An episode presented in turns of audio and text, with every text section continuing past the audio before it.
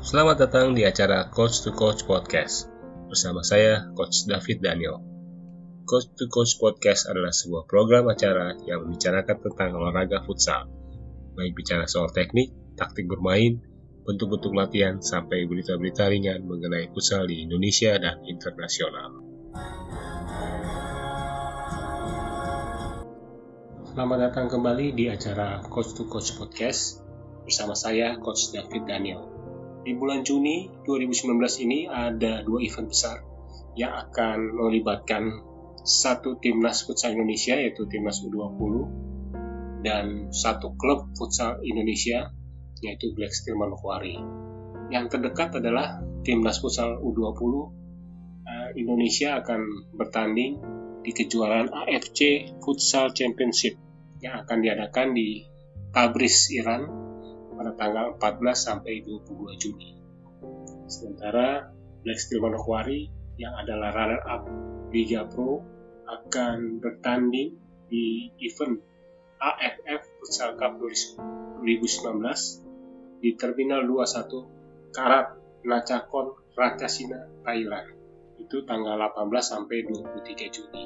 Hmm, pada episode kali ini saya ingin membicarakan soal peluang timnas U20 di kejuaraan Asia Under 20 tahun 2019 yang tinggal hitungan hari. Nah, di sini kita punya peluang untuk bisa menjadi empat besar Asia, walaupun dalam uh, event atau kategori Under 20. Nah, bagaimana caranya?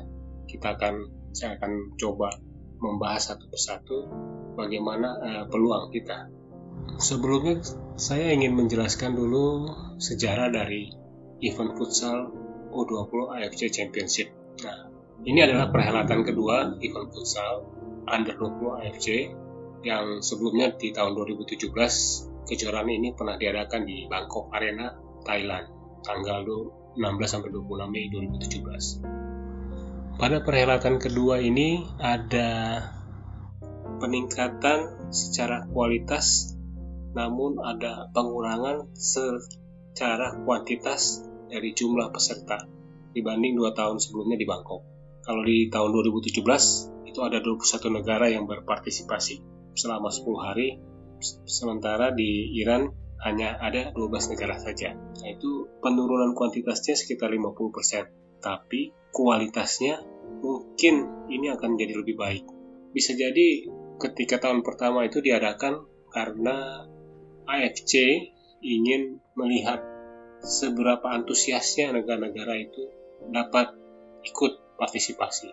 Namun setelah mengevaluasi di kejuaraan pertama, AFC kemudian melakukan pengurangan peserta sehingga hanya ada 12 negara yang menjadi peserta di tahun 2019 ini.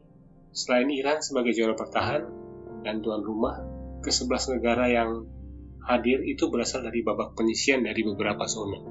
Dari zona ASEAN ada Thailand, Vietnam, dan Indonesia. Dari zona Asia Tengah ada Kirgistan, Afghanistan, dan Tajikistan. Dari zona Asia Timur ada Jepang, Cina Taipei, dan Hong Kong. Nah, Hong Kong ini sebenarnya dia hanya sebagai pengganti. Karena dari zona barat, Asia Barat itu ada Arab Saudi yang mengundurkan diri. Jadi dari zona Asia Barat hanya ada dua wakil yaitu Lebanon, dan Irak. Pelaksanaan kegiatan ini akan diadakan di sebuah venue yang terletak di kota Tabriz, Iran, dengan kapasitas 6.000 penonton. Venue ini adalah bernama Sahid Por Sarifi, yaitu home base dari sebuah klub futsal Super League Iran yang bernama Mesungun FSC. Dari hasil drawing yang diselenggarakan di Kuala Lumpur, kantor pusat AFC, pada tanggal 11 April 2019, Ke-12 negara dibagi dalam empat grup. Masing-masing grup ada tiga tim di dalamnya. Siapa saja peserta di masing-masing grup dan bagaimana peluangnya? Itu yang akan kita bahas satu persatu. Oke, kita mulai dari grup A. Di grup A ada tuan rumah sekaligus juara bertahan Iran, lalu Afghanistan dan Hong Kong. Di grup ini Iran masih belum ada tandingannya, meskipun ketiga negara peserta sama-sama partisipasi kedua mereka di ajang kejuaraan U20 AFC.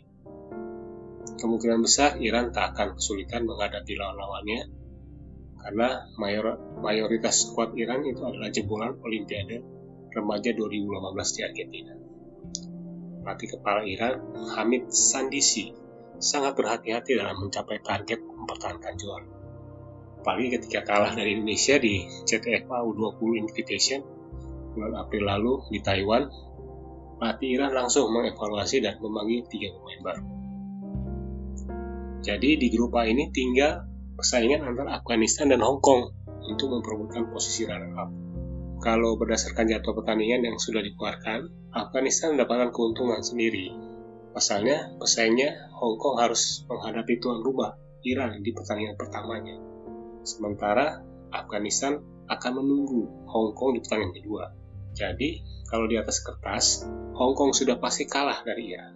Pertandingan yang tanpa jeda istirahat ini membuat Hong Kong harus kerja keras di hari kedua melawan Afghanistan. Jadi untuk di grup A, dipastikan lolos babak 8 besar adalah Iran sebagai juara grup dan Afghanistan sebagai runner-up. Kita masuk ke grup B. Di grup B ada Thailand, juara zona Asia, kemudian Lebanon, dan Kyrgyzstan. Kalau melihat dari peserta di grup B, Thailand menjadi favorit negara yang lolos sebagai juara grup. Salah satu alasannya karena Thailand di tahun 2017 berada di peringkat 3. Di atas kertas, Kyrgyzstan pada pertandingan pertama pun dapat mudah dikalahkan oleh Thailand. Lalu, kesempatan satu hari libur melawan Lebanon akan dimanfaatkan sebaik-baiknya oleh Thailand. Jadi Thailand menjadi tim yang peserta favorit di grup B. Kandidat kedua di grup B adalah Lebanon. Alasannya karena Lebanon di tahun 2017 juga berhasil lolos dari babak penyisian grup bahkan sampai babak 8 besar.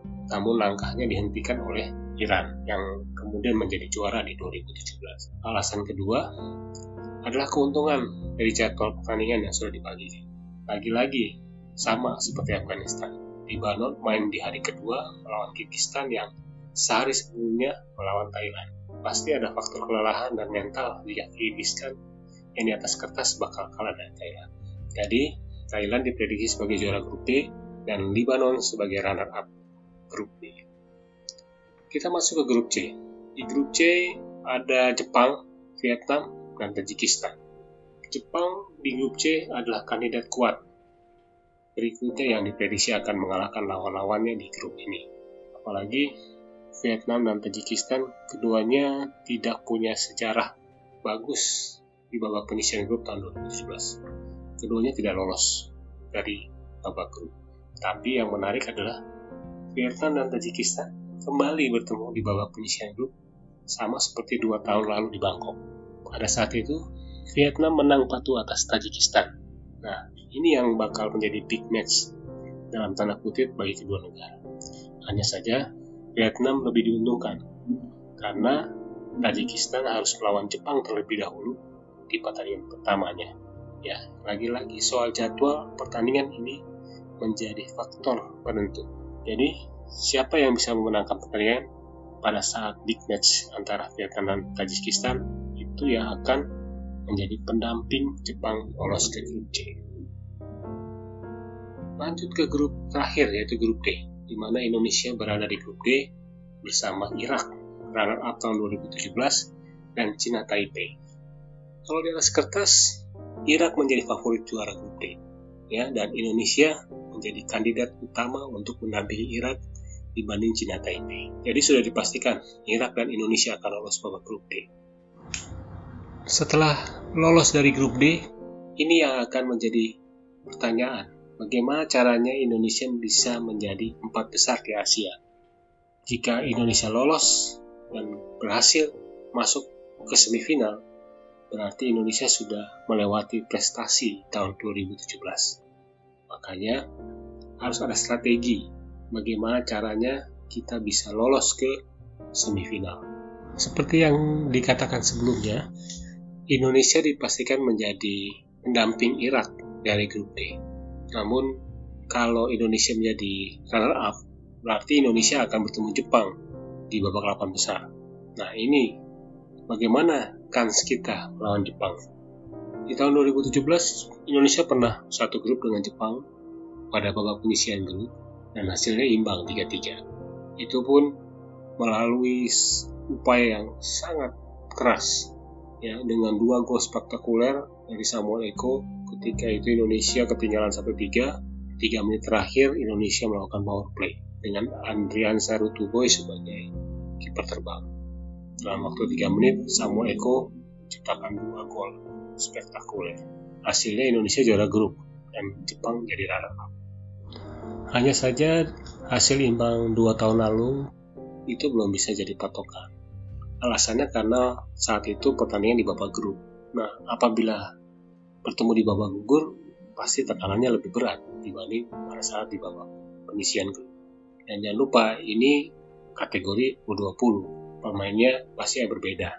Tapi kita bisa-bisa melihat dari hasil uji coba kita pada saat CTFA U20 Invitation bulan April lalu di Taiwan, tim asuhan Kensuke kalah 1-3 dari Jepang. Nah, bagaimana caranya supaya kita bisa lolos ke babak semifinal? Satu-satunya cara adalah menghindari Jepang di babak 8 besar. So, kita harus juara grup di grup D dan mengalahkan Irak pada pertandingan terakhir babak penyisian grup D. Jika kita berhasil mengalahkan Irak, maka di babak knockout kita akan bertemu dengan Vietnam yang menjadi kandidat runner-up grup C. Peluang melawan Vietnam 50-50, tapi lebih baik kita bertemu Vietnam dibanding bertemu Jepang. Secara mental, kita bisa lebih siap untuk menghadapi Vietnam dibanding Jepang yang kita rasa cukup kuat. Nah, pertemuan terakhir Indonesia melawan Vietnam itu selalu imbang. Kalau di tahun 2017, kita sedih satu sama, di kualifikasi U20 AFC 2019 kita imbang 3-3. Jadi Coach Kensuke dan pengamat lainnya pasti lebih memilih Vietnam dibanding Jepang di babak knockout. Nah, sekarang gimana peluangnya untuk mengalahkan Irak dan strateginya apa yang dilakukan? Saya rasa Coach, Coach Kensuke sudah punya kuncinya dan ia bisa dapatkan pada saat kita mengikuti CTFA Invitation di Taipei bulan April lalu, di mana kita bisa mengalahkan Iran dengan skor 3-1. Artinya, jika kita bisa mengalahkan Iran yang serumpun dengan Irak dan bisa jadi memiliki karakter permainan yang sama, berarti Irak bisa kita kalahkan. So, itu yang menjadi strategi dari timnas U20 jika ingin masuk ke babak semifinal, babak semifinal dan dan menjadi empat besar Asia. Apabila kita lolos, kita akan ketemu Thailand. Gak apa-apa. Yang penting kita sudah masuk semifinal. Ya, karena Thailand nanti diprediksi bakal lolos ke semifinal karena di babak delapan besar hanya ketemu Afghanistan yang jadi kandidat runner up di grup A sehingga nanti kalau Indonesia ketemu Thailand lagi itu berarti sejarah tahun 2017 terulang lagi. Saat itu kita ketemu Thailand di babak 16 besar dan Indonesia kalah 2-4 dari Thailand. Jadi empat besar adalah mungkin. Sebagai bentuk dukungan kita terhadap timnas U20 mari kita catat jadwal pertandingan timnas U20 di kejuaraan AFC Championship 2019 Indonesia melawan Cina Taipei pertandingan pertama tanggal 15 Juni 2019 pukul 12.00 lalu pertandingan kedua tanggal 16 Juni 2019 pukul 12.00 Indonesia melawan Irak Bagaimana dengan persiapan timnas U20? Setelah mengikuti CTFA Invitation di Taipei bulan April lalu, timnas U20 berencana akan mengadakan uji coba di Iran nanti menghadapi dua tim. Yang pertama juara Liga Iran, Mes Sungun Falsagan dan salah satu peserta yaitu timnas Libanon. Siapa saja sih skuad timnas U20 saat ini? Kalau di tahun 2017 kita memiliki banyak pemain berbakat seperti Andrea Carutuboy, kipernya Muhammad Al-Bagir, ada Suban Maidasa, Samuel Eko. Kalau di tahun 2019 ini, skuad timnas U20 tidak memiliki banyak pemain yang menonjol seperti tahun 2017. Tim ini lebih terlihat sebagai tim yang mempunyai kolektivitas permainan yang sangat bagus. Di CTFA Invitation di Taipei itu terlihat semua pemain bisa mencetak gol, semua pemain bisa menjadi bintang, semua pemain bisa menentukan kemenangan. Jadi kerjasama tim lebih menonjol di timnas U20 saat ini. Salah satu alasannya karena mereka pada tahun 2019 ini mengikuti Liga Futsal Indonesia dalam satu tim, namanya Barakal Team. Jadi kerjasama mereka uh, apa ya namanya hubungan satu sama lain itu cukup kuat sehingga terlihat benar bahwa kualitas permainan dengan kolektivitas yang menjadi harapan bagi timnas U20. Sebagian besar pemain juga banyak yang sudah merasakan atmosfer liga di usia dini, terutama di Liga AAV. Ada beberapa pemain seperti Dewa Rizky, Rizky Xavier, Ahmad Habibi, lalu ada Muhammad Afif Rizky. Mereka semua pernah mengikuti Liga API ya. Jadi benar-benar kolektivitas pemain yang kolektivitas tim lah yang menonjol di tim ini. Kalau tidak ada perubahan kita akan membawa 14 pemain. Kiper adalah Ahmad Habibi dan Muhammad Fildan anchornya ada Dewa Rizky Ari Ramdhani dan M. Rizky Safiar posisi flank ada Saifullah, Firman Ardiansa, Ramadan Zidani, Muhammad Afif Rizki, M. Agung Pandega, Abdul Salam, dan Rizal Mustafa. Lalu kita memiliki dua pivot, Muhammad Sanjaya dan Filippo Inzaghi. Kita harapkan keempat pemain ini bisa memberikan prestasi yang membanggakan bagi Indonesia. Kita juga tidak lupa mendoakan official kita, official team seperti pelatih kepala Getsuge Takahashi, lalu ada asisten pelatih Sayan Karmadi, Yedi Ahadiat Putra, pelatih kiper Ade Lesmana, ofisial yang lain seperti Dr. Tim, Ahmad Nizar, fisioterapis, Mona Lisa Mei Dania, ada Mishir Hasanuddin, manajer wanita, Selni Pikasari, administrator Vivi Rudiansa dan Kitman Faiza Nasution yang akan mendampingi 14 anak-anak muda ini di kejuaraan AFC U20 di Iran. Kita doakan saja timnas U20 kita bisa sukses dan tembus ke semifinal. Jadi empat besar Asia itu adalah mungkin. Terima kasih buat teman-teman yang sudah mendengarkan Coach to Coach Podcast episode kali ini. Kami mengharapkan untuk Coach to Coach Podcast yang akan datang kita memberikan akan memberikan tema-tema menarik lainnya di seputaran futsal Indonesia dan internasional. Namun jangan lupa juga dengarkan kami di RPK FM 96,3 Hz acara program TOS teman olahraga sore-sore pukul 17.00 sampai 18.00 setiap hari Senin minggu ketiga setiap bulannya.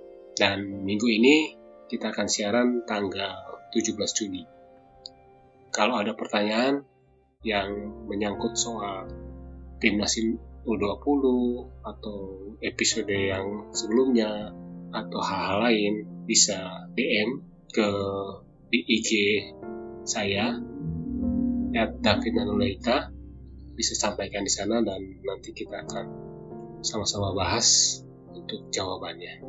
Saya Coach David Daniel, pamit, bye, salam futsal Indonesia.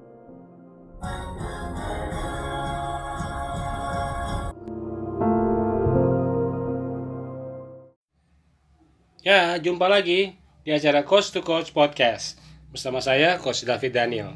Seperti yang diinformasikan sebelumnya, kalau setiap hari Senin, minggu ketiga, setiap bulannya uh, saya menjadi narasumber di sebuah program acara radio yaitu TOS, teman olahraga sore-sore pukul 17.00 sampai 18.00 di radio RPK FM 96,3 Hz.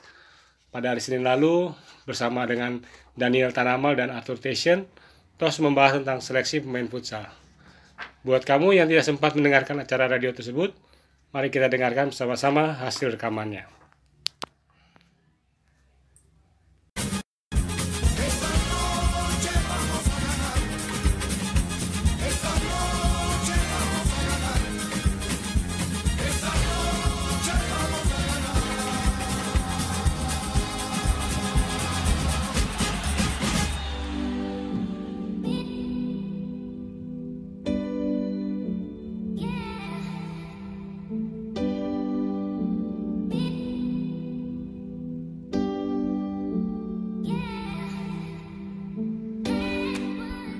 96.3 RPK FM Jakarta. Selamat sore sahabat RPK semuanya. Sahabat RPK, apa kabar? Uh, akhirnya saat-saat yang dinanti ya. Ih, semangat banget loh. Enggak, kalau khusus untuk yang minggu ketiga kan emang dinanti bro, karena cuma Benar. cu- cuman sebulan sekali. Iya, bener banget. Dan sahabat RPK seperti biasa ya, sudah dibilang atau sudah diinformasikan dari bulan-bulan yang lalu bahwa setiap di minggu ketiga Yep, eh, TOS itu khusus nama programnya Coaching Clinic bro. bener. Tentunya masih bersama Coach David Nanulaita Yeay, yang, yang tentunya sudah hadir di studio. Apa kabar coach? Eh, kabar baik, selamat sore.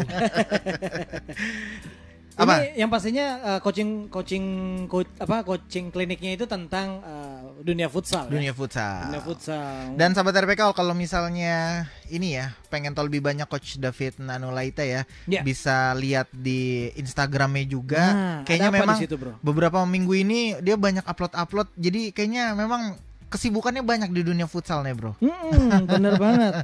Apalagi uh, futsal nih kayaknya lagi naik daun ya. Lagi naik daun. Kemarin itu ada prestasi yang keren banget. Oh, gitu. Uh, di hari Sabtu ya coach ya. Iya, hari Sabtu. Hari Sabtu timnas kita menang loh. Oh iya. Menang kan? Menang, menang. Menang lawan tim yang boleh dibilang secara fisik tuh gede-gede. Vanuatu. Itu timnas sepak Oh, bola. salah ya. Hari Sabtu juga. Ini futsal ya. Nol. Ini, futsalnya. Lawan siapa bro? Siapa coach? lawan Irak. Oh Irak. Irak. Menang? Berapa skornya coach? Dua satu. 2-1. 2-1. Wow. Tapi ini eh, keren ya da- Itu- dari sini. Mm-mm. Ini dalam pertandingan apa sih coach? Eh, eksibisi atau kejuaraan? Ya, ini dalam kejuaraan AFC Kejuaraan. Futsal U20. Hmm. Ya, yang- championship ya. Yang bulan lalu kita obrolin ya. Iya, betul. Targetnya memang Target. targetnya futsal Ya, Indonesia kan. targetnya. Hmm. Nah dari sini berarti eh, i- ini kejuaraan tahap apa nih coach? Ah, ini untuk kategori usia 20, 20 tahun.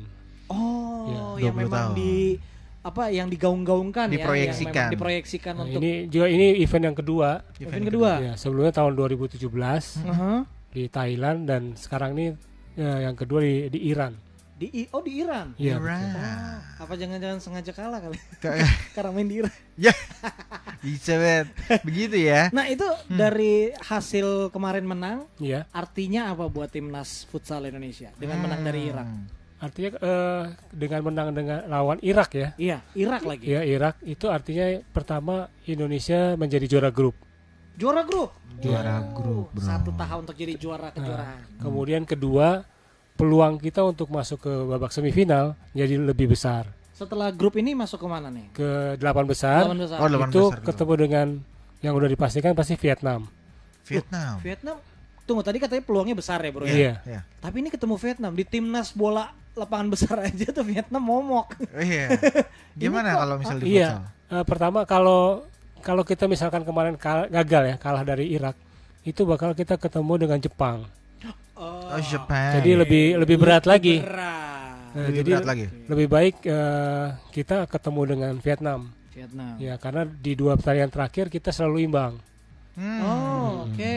Sedangkan melawan Jepang kita terakhir di invitasi U20 di, di Cina Taipei kita kalah 1-3. Uh. Jadi karena ja- jarak-jaraknya dekat sekali tuh. Iya, iya. Makanya kayaknya coach Kensuke ini yang jadi pelatih timnas Kebetulan sekarang, pel- pelatihnya juga dari pelatih Jepang, ya. Itu eh, kayaknya mau ngambil strateginya dia eh, bisa juara grup supaya menghindari Hindari Jepang. Jepang. Hmm. Iya. Targetnya sendiri sebenarnya apa sih dari yang coach ketahui ini target tim futsal nasional ini timnas ini apa final kah juara kah atau sekedar semifinal? Yang pasti kalau target eh, awalnya tuh dasarnya empat besar Asia. Empat Empat besar. besar, Berarti wow. semifinal ya? Iya. Oh, oke. Wah, Karena kan nanti tim ini mungkin akan diproyeksikan ke Piala Dunia yang berikutnya. dunianya. Hmm. Kalau kemarin kita bilang 2020 nih bisa 2022 atau Oh, malah lebih lagi ya? Iya. Lebih lagi. Dengan- Oke. komposisi pemain yang ini ditambah dengan pemain-pemain senior lain mungkin bisa jadi kekuatan buat pondasi buat timnas kita. Seru banget ya. Seru, seru, seru. Nah ini sedikit bocoran nih bro Kenapa? Sebelum kita juga masuk nih di materinya nih Karena kita ternyata ada bocoran nih Kita akan memasuki digelarnya Liga Futsal Nusantara 2019 Gitu coach ya Iya betul. Nah itu kira-kira akan dilaksanakan kapan tuh coach? Eh, Liga Futsal Nusantara itu setiap bulan Juni sampai September. Oh Ya itu kualifikasi dari fase daerah dulu, Bahasa daerah ya Mhm. baru nanti masuk provinsi. Provinsi Setelah September Mm-mm. baru masuk ke babak nasional. Babak nasional Nih jadi tinggal menghitung hari lagi nih bro Iya. Nih eh, salah satunya yang mungkin menarik sahabat RPK yang juga suka futsal ya Ini ada Liga Futsal Nusantara 2019 Dan tentunya yang berhubungan dengan yang akan tentunya kita bahas nih juga nanti kita sharing Ya. sama Bu apa coach David Nanulaita ya soal kriteria seleksi pemain. Nah, iya, iya, iya. Ini penting. apa sih? Seperti Betul. apa? Terus kemudian sistemnya gimana? Metodenya gimana? Terus kemudian ada nggak sih standar-standar yang digunakan sama pelatih saat memilih pemain? Ini terutama untuk masuk ke Liga Futsal Nusantara aja nih udah mulai ini coach ya, udah mulai lama apa namanya? Kalau misalnya menyaring-menyaring pemain iya, tuh ya udah, kan? udah mulai seleksi. Seleksi, Seleksi, seleksi tim. maksudnya. Tuh gimana eh, coach perkembangannya nih memasuki Liga Futsal Nusantara nih? Iya, eh, semakin rapi ya. Kalau nanti kita lihat bisa lihat di Instagram Instagram Ya. itu banyak klub-klub yang mapan itu udah mulai membuka seleksi. Klub-klub yang mapan. Hmm. Iya. Berarti ada yang belum mapan yang ikut nih kira-kira. Iya, bisa jadi ada juga klub-klub yang eh, mungkin kalau di DKI ya, Kalau di, DKI. itu ada 8 klub besar 8 klub besar. yang ya. tahun lalu lolos dari babak penyisihan. Mhm. Nah, kemudian nanti klub-klub yang baru masuk, baru mau ikut Mhm. atau yang eh, nggak lolos ke delapan besar itu akan Yes. mulai dari babak penyisian awal gitu. Hmm. Nah, jadi kalau yang delapan besar ini delapan klub yang pertama ini di- dianggap mapan karena mereka sudah punya tim sendiri. Oh. Oke. Itu eh, yang mapan, Bro. Hmm. nih, kira-kira em, mungkin nggak tahu nih waktu itu udah pernah dibicarain eh, juga apa enggak ya. Jadi kalau misalnya seleksi itu berarti mulai bisa dari yang baru atau mulai mereka dari eh, pelatihan yang junior gitu, tingkat junior. Nah. di Liga Futsal ini. Eh, tergantung dari kompetisinya apa yang akan kita ikuti ya. Oh, oke. Nah, karena kalau misalkan kita ikut Liga Futsal Nusantara, Mhm. kategori pertama kan dia soal usia. Oh, berkategori Ya. juga. Ini kan yang sebelum ke pro-nya Iya, kan ya? sebelum sebelum ke pro-nya Iya, iya, ya. iya. Oke. Itu under 23. Berarti dia kalau Under putra 23. itu kelahiran 1 Januari 1997. Oh, kita udah Oh. nggak bisa ikut, Bro. Non- ikut nonton boleh ya. Iya. Nah, Mulai kalau- dari mulai dari 97 ya. Ya, itu Oke. untuk putra. Putra. Kalau putri itu dari 1 Januari 1999. Hmm, oke. Oke. Milenial-milenial ya? milenial milenial. Generasi milenial semua ya, berarti. Hmm. Iya. Oke. Dan apa coach kira-kira update-nya nih sampai sampai sejauh ini nih menjelang nih kalau nggak salah tinggal berapa hari lagi gitu kali coach ya Iya. dimulainya ya. Kalau di DKI sih nanti bulan Juli ya. Juli. Juli. Oh bulan depan. Juli. Ya, tanggal 13 14 Juli itu kualifikasi Mm-mm, baru jadi nanti ada sekitar 16 tim yang mendaftar mm-mm. kemudian di eh, pertandingan dengan sistem dua kali main Mhm. main. kemudian dibikin dibikin apa poinnya urutan 1 sampai 9 Oh. lalu mereka nanti masuk ke babak berikutnya di tanggal 15 sampai 21 Ya. untuk melengkapi 16 tim yang Oh, oke. di DKI nanti. Oh baru di DKI aja Iya. itu. Berarti per region nanti ya. Iya, kalau di DKI langsung masuk fase provinsi. Tapi kalau di Jawa Barat udah masuk dari fase daerah. Jadi misalkan dari Sukabumi mereka udah bikin sendiri. Berarti lebih panjang ya? Iya, lebih Unik panjang. ya. Ini masa bertandingnya berapa lama, coach? Kalau fase daerah sama provinsi itu bisa seminggu ya. Seminggu. Iya, dibikin- Jalan seminggu berapa kali? Bikin grup bisa eh, biasanya 16 tim, standarnya 16 tim, jadi mereka akan main sekitar tiga kali di babak grup. Mhm. Kalau mereka lolos, berarti tiga kali lagi main sampai babak sampai final. Hmm, Oke. Pan- Dan itu nggak sampai setahun kan ya? Atau Iya. cuma berapa berapa bulan kan? Iya, tadi jangka waktunya jadi Iya, iya, selesai iya, iya. sebelum September. sebelum September aja. Udah selesai. Uh, kayak yang lagi speed trial nih bro Apa? di MK. Cepet jadinya. Aduh, jadi ke situ ya. Nah, setelah yang satu ini ya, em, sahabat Ya. RPK, nanti kita akan tanya juga sama coach kira-kira apa sih yang perlu dipersiapkan nih soal seorang pemain ya, terutama Betul. untuk di kelas Liga Futsal Nusantara. Pastinya kan beda kalau sama yang pro ya. Apalagi kalau pendengar eh, yang sekarang ini entah memang sahabat RPK mau diseleksi gitu ya, ataupun juga orang tuanya gitu Hmm. Iya. kan. Apa-apa aja yang harus disiapin. Mm-mm, yang punya anak-anak terutama yang kelahiran tahun 97 ya. Betul. Wah. Mental, eh, jasmani, rohani, kesehatan, fisik, uang saku, hobi, bikin biografi. ya. Lengkap banget pokoknya ya. Dan tentunya kita akan kembali lagi di perbincangan yang menarik ini soal coaching klinik sahabat RPK. Yeay. Bagaimana mempersiapkan atau juga kriteria seleksi pemain bersama coach David Nanulaita. Tetap di 96,3 RPK FM Jakarta.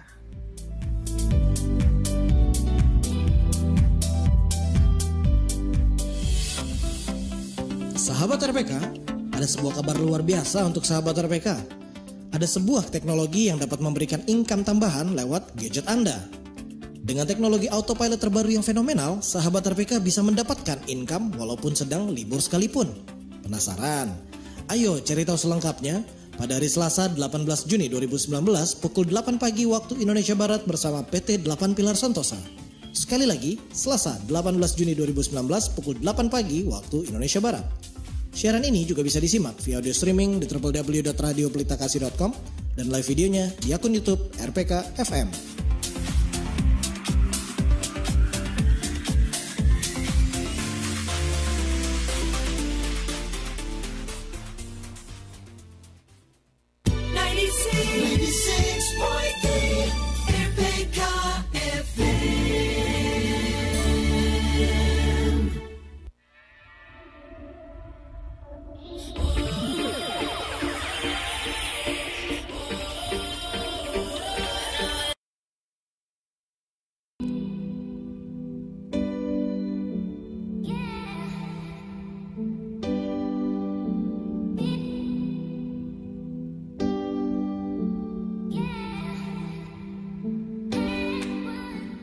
96,3 RPK FM Jakarta. Kita kembali lagi sahabat RPK di sesi yang kedua ini di teman sore spesial ya untuk di minggu yang ketiga setiap bulannya coaching klinik bersama coach David Nanulaita.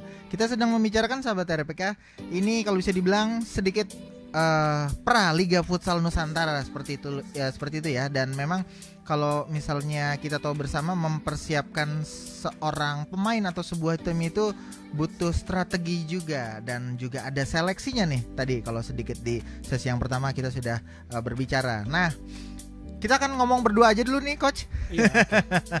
Karena Arthur lagi uh, ada urusan dulu nih sedikit nanti abis menit 30 dia akan masuk lagi.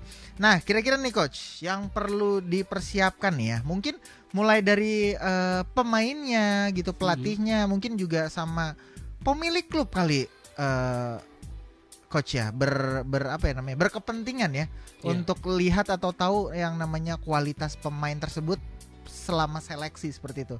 Gimana tuh coach? Iya, eh, kalau kita bicara dari sisi klub ya.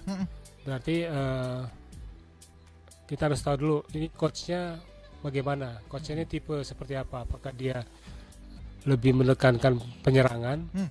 atau eh, balancing untuk defense dan offense-nya seperti apa. Wow. Nah, dari situ nanti coach akan me- mempunyai istilahnya gambaran posisi-posisi a- yang dia perlukan Oh, kebutuhan ya. kebutuhannya saya Hmm. kebutuhannya dia misalkan kayak dia butuh kiper berapa Wah, butuh anchor ada berapa banyak anchor. Oh ya. butuh butuh pemain flank yang Flank. seperti apa tipenya Hmm, lalu butuh pivot yang bagaimana itu eh, biasanya coachnya akan membuat gambaran tersendiri Hmm, dari masing-masing posisi itu sehingga nanti pada saat eh, seleksi dimulai dia sudah punya gambaran terhadap Hmm. pemain yang akan dia pilih nanti. Oke.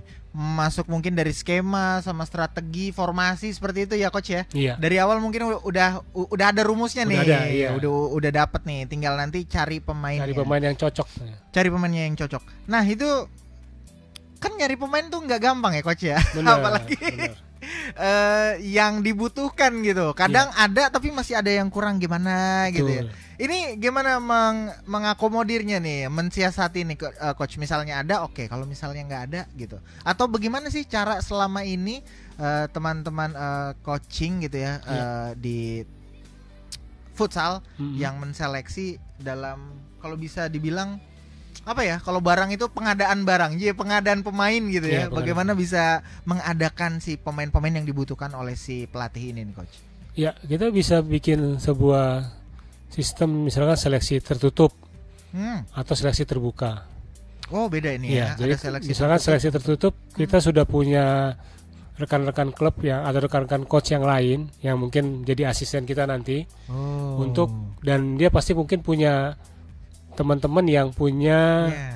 eh, klub-klub yang punya pemain yang Pemain. dia bisa bisa dia Hmm. kasih. Jadi misalkan head coach Ya. kasih gambaran nih saya butuh pemain yang seperti ini seperti ini seperti ini. Hmm. Lalu kemudian asisten coachnya akan cari. oh Nah. Sistem, Jadi dengan sistem tertutup ini dia hanya memanggil minta ke klub ini eh ada pemain nggak yang butuh gue butuh pemain yang seperti ini seperti ini kalau ada panggil kita latihan kita seleksi itu semacam kalau di eh, sepak bola lapangan besar itu kayak klub feeder ya iya kayak betul penyedia gitu iya, iya. jadi sudah misalnya- ada Udah ada ya. Ha-ha. Jadi tinggal tinggal ngeliat aja ya. Mungkin Iya. dari satu atau dua pemain yang kita butuhkan dia nyodorin lima pemain. bisa Tes nih lima orang seperti Iya. itu. Itu sampai eh, di misalnya di ibu kota udah ada seperti itu ya, sudah Coach? ada untuk klub-klub yang mapan seperti itu mereka sudah punya Oh. istilahnya ya tadi jaringan ya. ya satelit-satelit gitu loh ya, Iya. yang bisa memberikan eh, SDM yang bagus buat Hmm. buat klub Wah. nah ada ada juga yang sistem terbuka Sistem terbuka? Nah, Hmm. kayak tadi saya barusan dari lapangan futsal di Kalimalang Oh. itu eh, ada satu klub yang sedang mem- membuka sistem seleksi terbuka. Seleksi terbuka. Itu yang datang bisa banyak. Ada tadi sekitar eh, hampir 200 orang. Wih, Iya. banyak banget. 200 orang tuh. banyak banget coach. Baru iya, tahu. banyak sekali. Nah, di situ mereka kemudian dibagi-bagi berdasarkan eh, posisi. Posisi. Jadi yang eh, kiper, anchor itu semua absen masing-masing. 200, 200 orang. Hampir 200 orang. Ya ampun. Nah, nanti eh, sistem seleksi awalnya itu Iya. mereka akan dikasih waktu Hmm. bermain satu sama lain. Iya. Itu kira-kira 5 sampai 10 menit. Ah, Nanti oke. pelatih kepala akan melihat yang pemain yang ada di lapangan, kemudian dia akan memberikan centang atau apa kepada oh pemain ini cocok, pemain ini sesuai dengan profil saya, Mhm. pemain ini eh, eh, tidak cocok atau seperti itu. Dari situ dia bisa ngelihat. Itu kira-kira coach kalau misalnya seleksi itu kira-kira berapa lama sih coach efektifnya sama juga dilihat dari animo seperti yang ini ya sampai Iya. 200 orang itu kan berarti butuh waktu juga tuh coach. Ya memang biasanya kan eh, Hmm. rata-rata tuh mereka kita masih belum punya home base ya. Belum punya home base. Jadi banyak kan sewa lapangan itu paling lama kan dua jam. Ya kan Hmm. sewa lapangan dua jam. Jadi kayak seperti tadi tuh karena saking banyaknya jadi mereka harus punya eh, waktu yang cukup.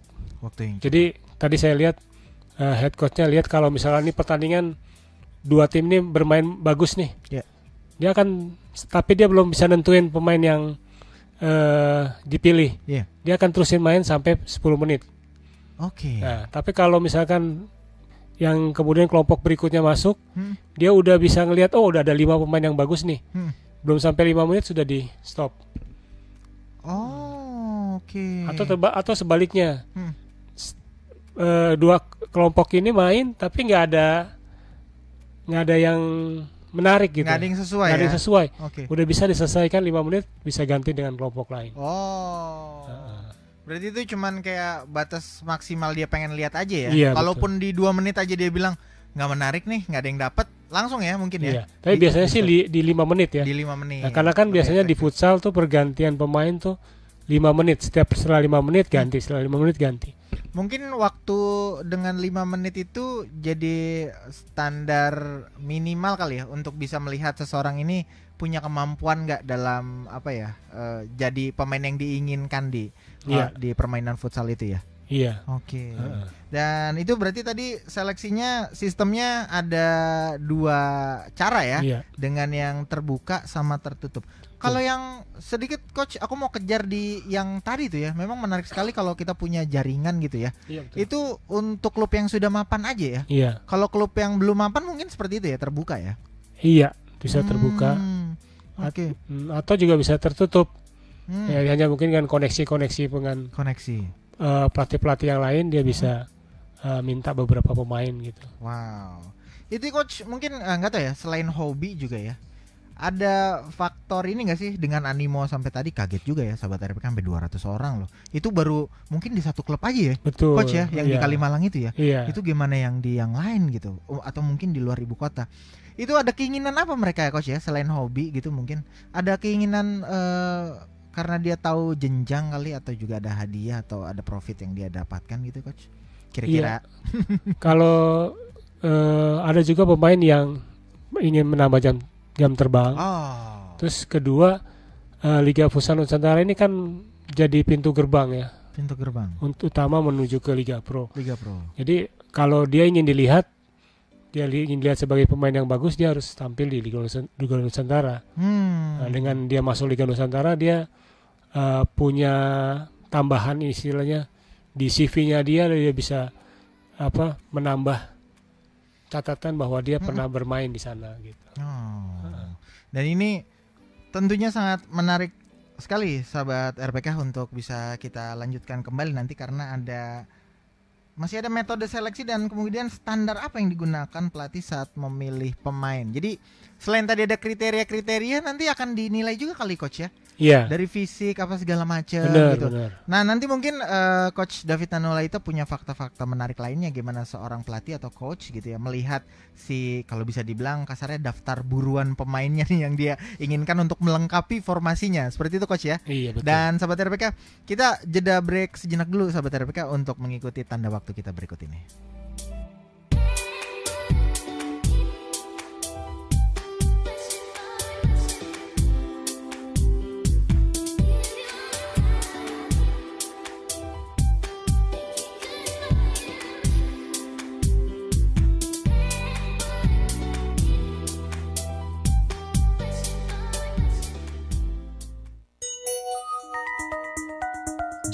Studio kami menunjukkan pukul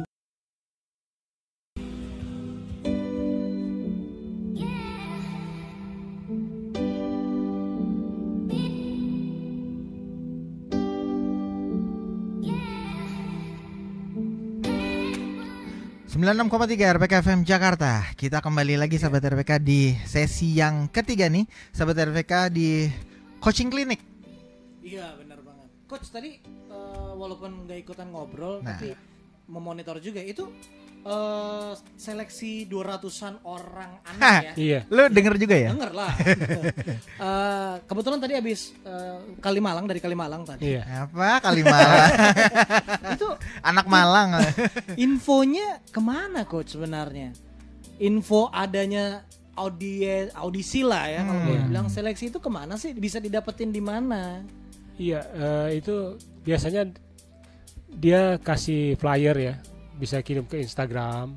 Atau di lapangan-lapangan futsal kali ya disebar infonya atau Oh, enggak? enggak, biasanya di Instagram. Sekarang udah mulainya di Instagram. Oh mainnya di Instagram. Iya, di Atau Instagramnya itu kali coach atau bro, eh, karena ini anak-anak ini kan mungkin ya berkomunitas kali Iya, gitu ya, betul. main futsal tiap hari. Jadi nyebarnya cepet Nyebar gitu bro. cepet. Jadi satu Iya iya iya. nyebar iya, ke sini iya. yang lain nanti kasih lagi, kasih lagi. Oh, dan ini biasanya jelang-jelang liga. Iya, jalan-jalan liga ini eh, marak kayak begini. Berarti kalau misalnya sahabat RPK baru denger info ini nih ya, Iya. ini akan diadakan lagi kira-kira kapan biar ada ancer-ancernya gitu di mereka siap-siap untuk cari informasinya bulan apa nih? Kalau ya kalau misalkan eh, mereka ingin ikut liga di Nusantara di DKI Oh, di bulan inilah. Masih ada berarti di Iya. bulan-bulan ini? Bulan ini. Oh, oke. Karena kan ya misalnya anak-anak gereja gitu ya. Iya. Anak Gereja juga banyak tim futsalnya ini bisa di Bisa juga. bisa dikasih tahu walaupun misalnya gua ngomong gitu, eh ini ada ini. Iya bisa. betul. Itu harus ke mana? Eh, Instagramnya siapa yang harus dilihat? Eh, pertama gini, anak-anak yang mereka yang ingin ikut, Mhm. dia harus cari tahu dulu nih. Ya, eh, mungkin bisa googling ya. Siapa aja sih Oke. peserta peserta dari Liga Futsal Nusantara tahun lalu 2015 dan kan nanti kan terbagi ada 8 klub yang masih bertahan dan 8 klub yang eh, turun lagi untuk bawa- untuk bawa penyisian lagi. Nah di situ bisa lihat. Nah kira-kira nih siapa aja. Misalkan Hmm. eh, kalau seperti saya saya ada lagi bikin seleksi juga nih. Mhm. Waktu itu bikin flyer, kemudian yang ingin ikut bisa eh, masukin datanya di form di Google Form. Oh, oke. Eh, nanti dia di situ bisa bisa isi eh, namanya, posisi yang diinginkan, yang kayak tadi ya. iya. Oke. kaki kaki terkuat yang mana, aha. pengalamannya apa gitu. Nah, seleksi yang kemarin itu per klub atau gabungan? Yang tadi, Heeh. Yang tadi di Kalimalang ya tadi ya. itu Kalimalang satu, ya. itu, itu baru satu klub. Itu baru oh i- 200 Oh, oke. Jadi 200 anak untuk satu klub. Iya betul. Wow. Banyak ya, Banyak. 200 orang. Berarti peminatnya memang Memang- ya, banyak ya. Futsal ini masih masih besar antusiasnya, Bro. Dan itu baru satu klub loh, Bro. Ya, baru Iya. satu klub. bahkan ya kan karena eh, kateri- eh, kategorinya 1997 Hmm. yang datang juga bahkan banyak yang di bawah tahun Masih itu. mencoba Iya, peruntungan lah ya. Benar. Oke. Penasaran, Bro. Bener-bener. Iya. eh, kalau di dunia dun- dunia sepak bola profesional kan pakai scouting tuh ya. Iya. Scouting Iya, dilihat. Sama lah kalau nggak salah kayaknya begini Iya, sama juga ya. Itu langsung Ada juga ditawarin ya. kontrak atau gimana? Kan kalau Liga Futsal Nusantara kan amatir ya, jadi Ah, nggak ada nggak ada kontrak yang Ah, oke. ya bisa juga dengan kalau tadi di klub-klub yang mapan tadi bisa dengan talent scouting. Dia bisa datang ke turnamen-turnamen futsal yang ada, apa aja ya. apa aja yang ada, dia bisa lihat, oh ini ada yang bagus, ada yang cocok nih. Ya bisa dikontak langsung anaknya di lapangan, Iya, iya. kasih nomor eh, apa namanya bisa bisa informasikan nanti kalau ada seleksi bisa dihubungin gitu Hmm. Seperti itu. Oh, oke. Heeh. Iya, iya, iya, iya. Kenapa tur? Masih berhasrat untuk main futsal? Eh, enggak, kalau gue, kayaknya ini banget sampai gue justru pingin jadi scoutingnya. oh, iya. Iya, tapi nggak gampang ya. Jadi seorang Iyalah. scout aja tuh nggak gampang ya, Iya. karena harus paham klub itu maunya apa. bener ya mungkin Tunggu, sorry. Klub atau coach? Coach lebih tepatnya coach Coachnya. Hmm. mesti diskusi dulu Benar. coachnya pengen apa pengen yang seperti pemain yang seperti apa yang diinginkan nanti yang si talent scouternya tinggal eh, keliling-keliling untuk lihat Ini yang jadi problem kayaknya juga, bro. Kenapa? Di dunia sepak bola ataupun Hmm. dunia futsal. Kenapa. Bro? Antara mau pemain pelatih atau mau klub. Oh. Mungkin ya timnas kita ataupun klub kita nggak sejalan, nggak nggak Iya. mulus karena itu bentrok kepentingan. Itu eh, sih? ininya gimana coach? Apa eh, agak-agak mirip nggak sih sama yang di eh, Dunia sepak sepak bola gitu? Tentang si klub tuh bisa intervensi lebih banyak Iya. sama pelatih. Nih pelatih misalnya kalau misalnya di sepak bola kan maunya empat empat dua, tapi si siapa namanya klub misalnya empat tiga tiga misalnya Gini kayak gitu. deh. Don Ancelotti waktu itu maunya 4-3-2-1 eh 1-2. Tapi Berlusconi maunya 4-4-2. Iya. Enggak kalau di dunia futsal ada juga nggak sih coach kayak begitu kira-kira? Gitu. Eh, kalau di dunia futsal eh, kalau soal strategi tadi mungkin Iya. nggak nggak terlalu pengaruh ya Nggak terlalu pengaruh. Oh. karena kan cuma empat pemain satu Iya, iya, kiper iya, iya. Iya. Kan rolling mereka Iya, ya. dan ya kebanyakan sih mungkin kalau intervensi dari pihak klub yaitu pertama dia menginginkan pemain bintang misalkan Oh. Yang harus dimasukkan Oke. Mungkin buat kepentingan brand juga bro branding, Ya, bisa buat juga. menarik penonton Cari juga. aja yang Nyari. itu, Cari yang ojol. Kok Tanya, ojol? kamu pem- bintang berapa biasanya dapat? Ah, gua saya lima, saya lima. Ah, kamu ikut saya. Gile. Scouting tuh, berarti ada Iya, ininya iya, juga. iya. Asisten pelatih loh. Itu side jobnya banyak bro. Hmm, ah iya iya iya. Ngebantuin pelatih juga untuk menyiapkan pemain yang dibutuhkan em, sesuai dengan skema atau strategi tadi ya, seperti yang coach bilang gitu. Dia udah netepin, cari nih kita kebutuhan pemainnya yang ini. Dia udah bisa langsung tahu gitu. Tapi ini juga sih, eh, ini kayak dunia kerja jadinya ya. Hmm. Eh, kalau misal gimana ya? Kalau misalnya di klub itu kan scouting, masukin pemain baru atau yang seger gitu ya. Nah, yang pemain lamanya dilepas gitu aja atau gimana? Free transfer. Iya, ada transferan nggak sih atau mohon maaf terima kasih atas kerjasamanya Kontrak habis mungkin atau enggak? selesai Gimana tuh? gitu Coach sedih biasanya, kan Iya. Kalau di ini kan kalau misalnya di liga profesional ya, itu biasanya kontrak kan se- cuma satu musim. Jadi Oh, selesai setiap- pertandingan, selesai selesai turnamen, selesai. oh Nah, nanti mau diperpanjang ya ntar dihubungi lagi.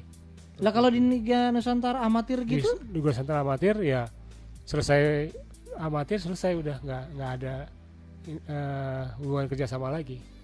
Seperti itu. jadi kalau misalnya gue tangkep begini coach. Jangan jadikan futsal itu sebagai tujuan mendapatkan penghasilan. Bener dong. Iya nggak sih? Kalau di amatir, untuk untuk menghidupi diri ya jangan dari futsal. Bener nggak? Kalau Eh, dilihatnya dari sini ya sekilas aja iya ya iya. Kalau mungkin kalau untuk cari uang di di futsal amatir mungkin nggak nggak dapat. profesional masih bisa Iya, tapi kalau dia mau eh, dapat lebih, ya di ajangnya di sini supaya dia bisa di, bisa dilihat sama klub-klub profesional. Oh Ini kesempatannya, Bro. Kesempatannya. Iya. Oke oke oke. Cuma ya tetap aja ya. Hmm. Jangan lihat orientasinya duit mulu ya. Iya.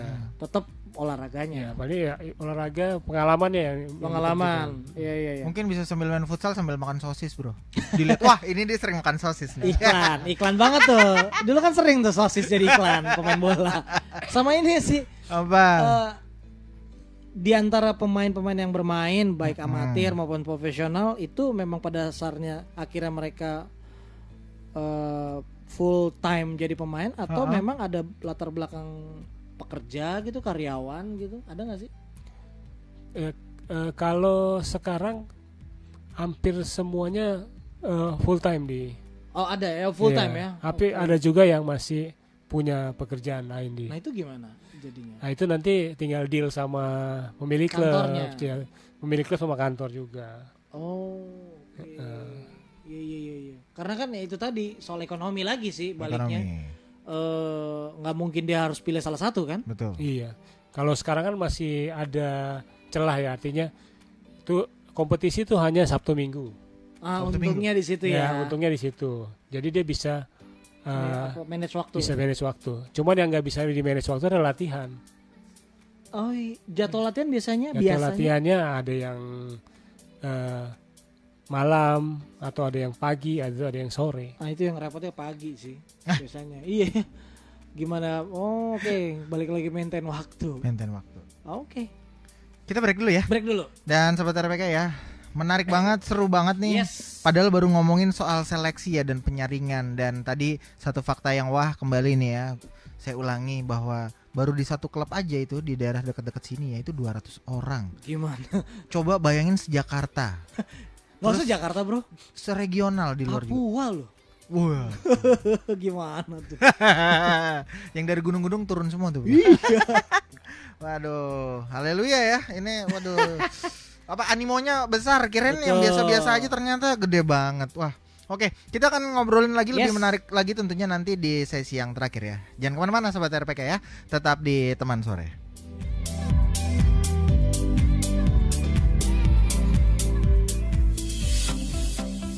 Sahabat RPK, ada sebuah kabar luar biasa untuk sahabat RPK. Ada sebuah teknologi yang dapat memberikan income tambahan lewat gadget Anda. Dengan teknologi autopilot terbaru yang fenomenal, sahabat RPK bisa mendapatkan income walaupun sedang libur sekalipun. Penasaran? Ayo cari tahu selengkapnya pada hari Selasa 18 Juni 2019 pukul 8 pagi waktu Indonesia Barat bersama PT 8 Pilar Santosa. Sekali lagi, Selasa 18 Juni 2019 pukul 8 pagi waktu Indonesia Barat.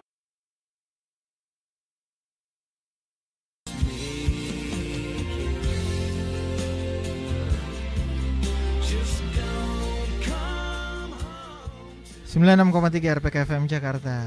Nih lagunya sedih banget bro. Nih lagu ini bro, mengingatkan tim underdog zaman-zaman dulu pasukan Tartar Army nih bro, Skotlandia. jangan langsung kalah ya Jangan langsung pulang ya. Oke sobat RPK, kita lanjutkan lagi kebersamaan kita ya di sesi yang terakhir ini. Nih, tadi gue denger-dengar lu tur ngomongin ASEAN. ASEAN apa tuh, Tur? Oh iya tadi sempat ngobrol juga. Sorry ya, lu jadi pengen tahu gitu ya. Ya kan bahan biar berwarna. Apa dong? Eh, iya, eh, selain ada kompetisi-kompetisi lokal, amatir ya, Iya. coach ya Nusantara, ternyata di tidak lama lagi juga akan ada kompetisi. Jadi ini kompetisi itu banyak. Kompetisi ternyata. banyak ya. Termasuk kompetisi internasional ya coach. Betul. Eh, kali ini eh, kalau di awal tadi itu tingkat Asia, Iya, Asia. nasional, Nasional. timnas. Nah ini klub ya. Eh, Iya, ini klub. Ini klub ya. Iya. Klub tingkat Eh, ASEAN. ASEAN. Jadi AFF Futsal Club AFF Championship. Fut- Futsal Club Championship. Jadi ting, eh, antar klub Hah? tingkat Asia Tenggara. Wih. Gitu ya coach ya. Iya, betul. Oh, ini seru nih. Kapan coach? Ini tanggal 18 sampai 23 Juni. ya. Minggu Jadi, depan. besok- eh, saat besok. ini. Besok, kita udah mulai main udah besok. Iya. Indonesia main ya, Iya. mengirimkan uh, satu perwakilan wakil ya. Nah, jadi eh, juara dari liga profesional akan dikirim ke AFC Asia, ya dan runner up di masuk eh, dikirim ke AFF. Asia Tenggara. Oke. Apa Nah, sih semacam Liga Champion gitu? Iya, iya. Wah. Liga Champion Asia Tenggara, Nah, kalau yang Oh, gitu. AFF ini kayak Europe Europe League. Europa League. Oh, Liga Malam Jumat. Ah, Indonesia wakilnya siapa coach? Wakilnya Black Steel Manokwari. Luar biasa Manokwari ya. Black Nah, ini- Steel. Ini sistemnya apa? Eh, setengah kompetisi kah atau full competition? Atau Jadi ini ada enam ada enam tim nanti. enam tim. Enam tim dibagi dua grup. Oh grup. Oh oke kayak ini ya kayak AFF lah ya sepak Iya, bola AFF sama. ya. Oke. Jadi nanti eh, dua grup Indonesia berada di grup A Aha. bersama Chonburi Blue Wave dari Thailand Uh. sama satu lagi tim dari eh, Vietnam, Vietnam. Oh. Sanatek Konhua. Sana Tekon. Salah tekon. Iya. Wah. Waduh. Nah, nanti di grup B-nya ada dari wakil dari Myanmar, Myanmar. Kamboja dan Malaysia. Oh Filipina nggak ikut ya? Filipin Atau nggak ada ikut. timnya? Nah, Oh. Tahun ini nggak ikut. Oh tahun ini nggak ikut. Iya. Oh tapi berat juga ya kalau dilihat-lihat dari. Eh coach, sorry, itu satu tim yang diberangkatin bakal ada berapa pemain coach di Black Steel itu? Ada jadi semua masing-masing hanya eh, dikasih draft 14 pemain. Cuma 14 pemain. 14 pemain. Ini pro ya? Iya. Eh, semuanya orang Indonesia kah atau? Iya di Black Steel tentunya. Ya ada. di Black Steel walaupun di Liga Pro dia ada dua pemain Viet eh pemain Thailand, Mhm. cuman karena dia punya kontrak sudah selesai, Oh. jadi dia nggak diikut sertakan di Hmm. AFF Hmm. Jadi Jadi pure, pure Indonesia. dari Uh. Indonesia semua. Dan Itu- law- lawannya Thailand bro Thailand ya. dan Vietnam. Ya, Coach, grup. Itu di Black Steel eh, beragam ya maksudnya nggak hanya teman-teman dari Papua aja gitu, dari luar Papua ada juga ya Iya beragam. beragam ya. Ya, Wow. Karena kan kalau di jadi Black Steel ini udah dua kali nih Hmm. eh, masuk ke AFF. AFF. Oh langganan Iya, ya. langganan. Jadi waktu mereka juara Liga Pro Iya. Hmm. 2016 mereka masuk ke AFC. AFF karena dulu nggak belum ada AFC. Oh oke. Atau enggak waktu itu kita belum eh, jadi kompetisi kita kompetisi kita kita belum selesai Ya. sedangkan AFC sudah Nah, itu hasil rekaman acara hari Senin lalu, tanggal 17 Juni 2019. Jika kamu ada pertanyaan, dapat kirim pertanyaan ke Twitter @dedenano atau ke Instagram bisa DM ke @davidnanulaita atau WA ke 088 18 066 547. Saya ulangi 088 18 066 547. Coach to Coach akan mencoba memberikan tema-tema menarik lainnya seputaran futsal di Indonesia dan internasional. Untuk episode-episode berikutnya ditunggu saja ya. Saya Coach David Daniel pamit. Salam futsal Indonesia.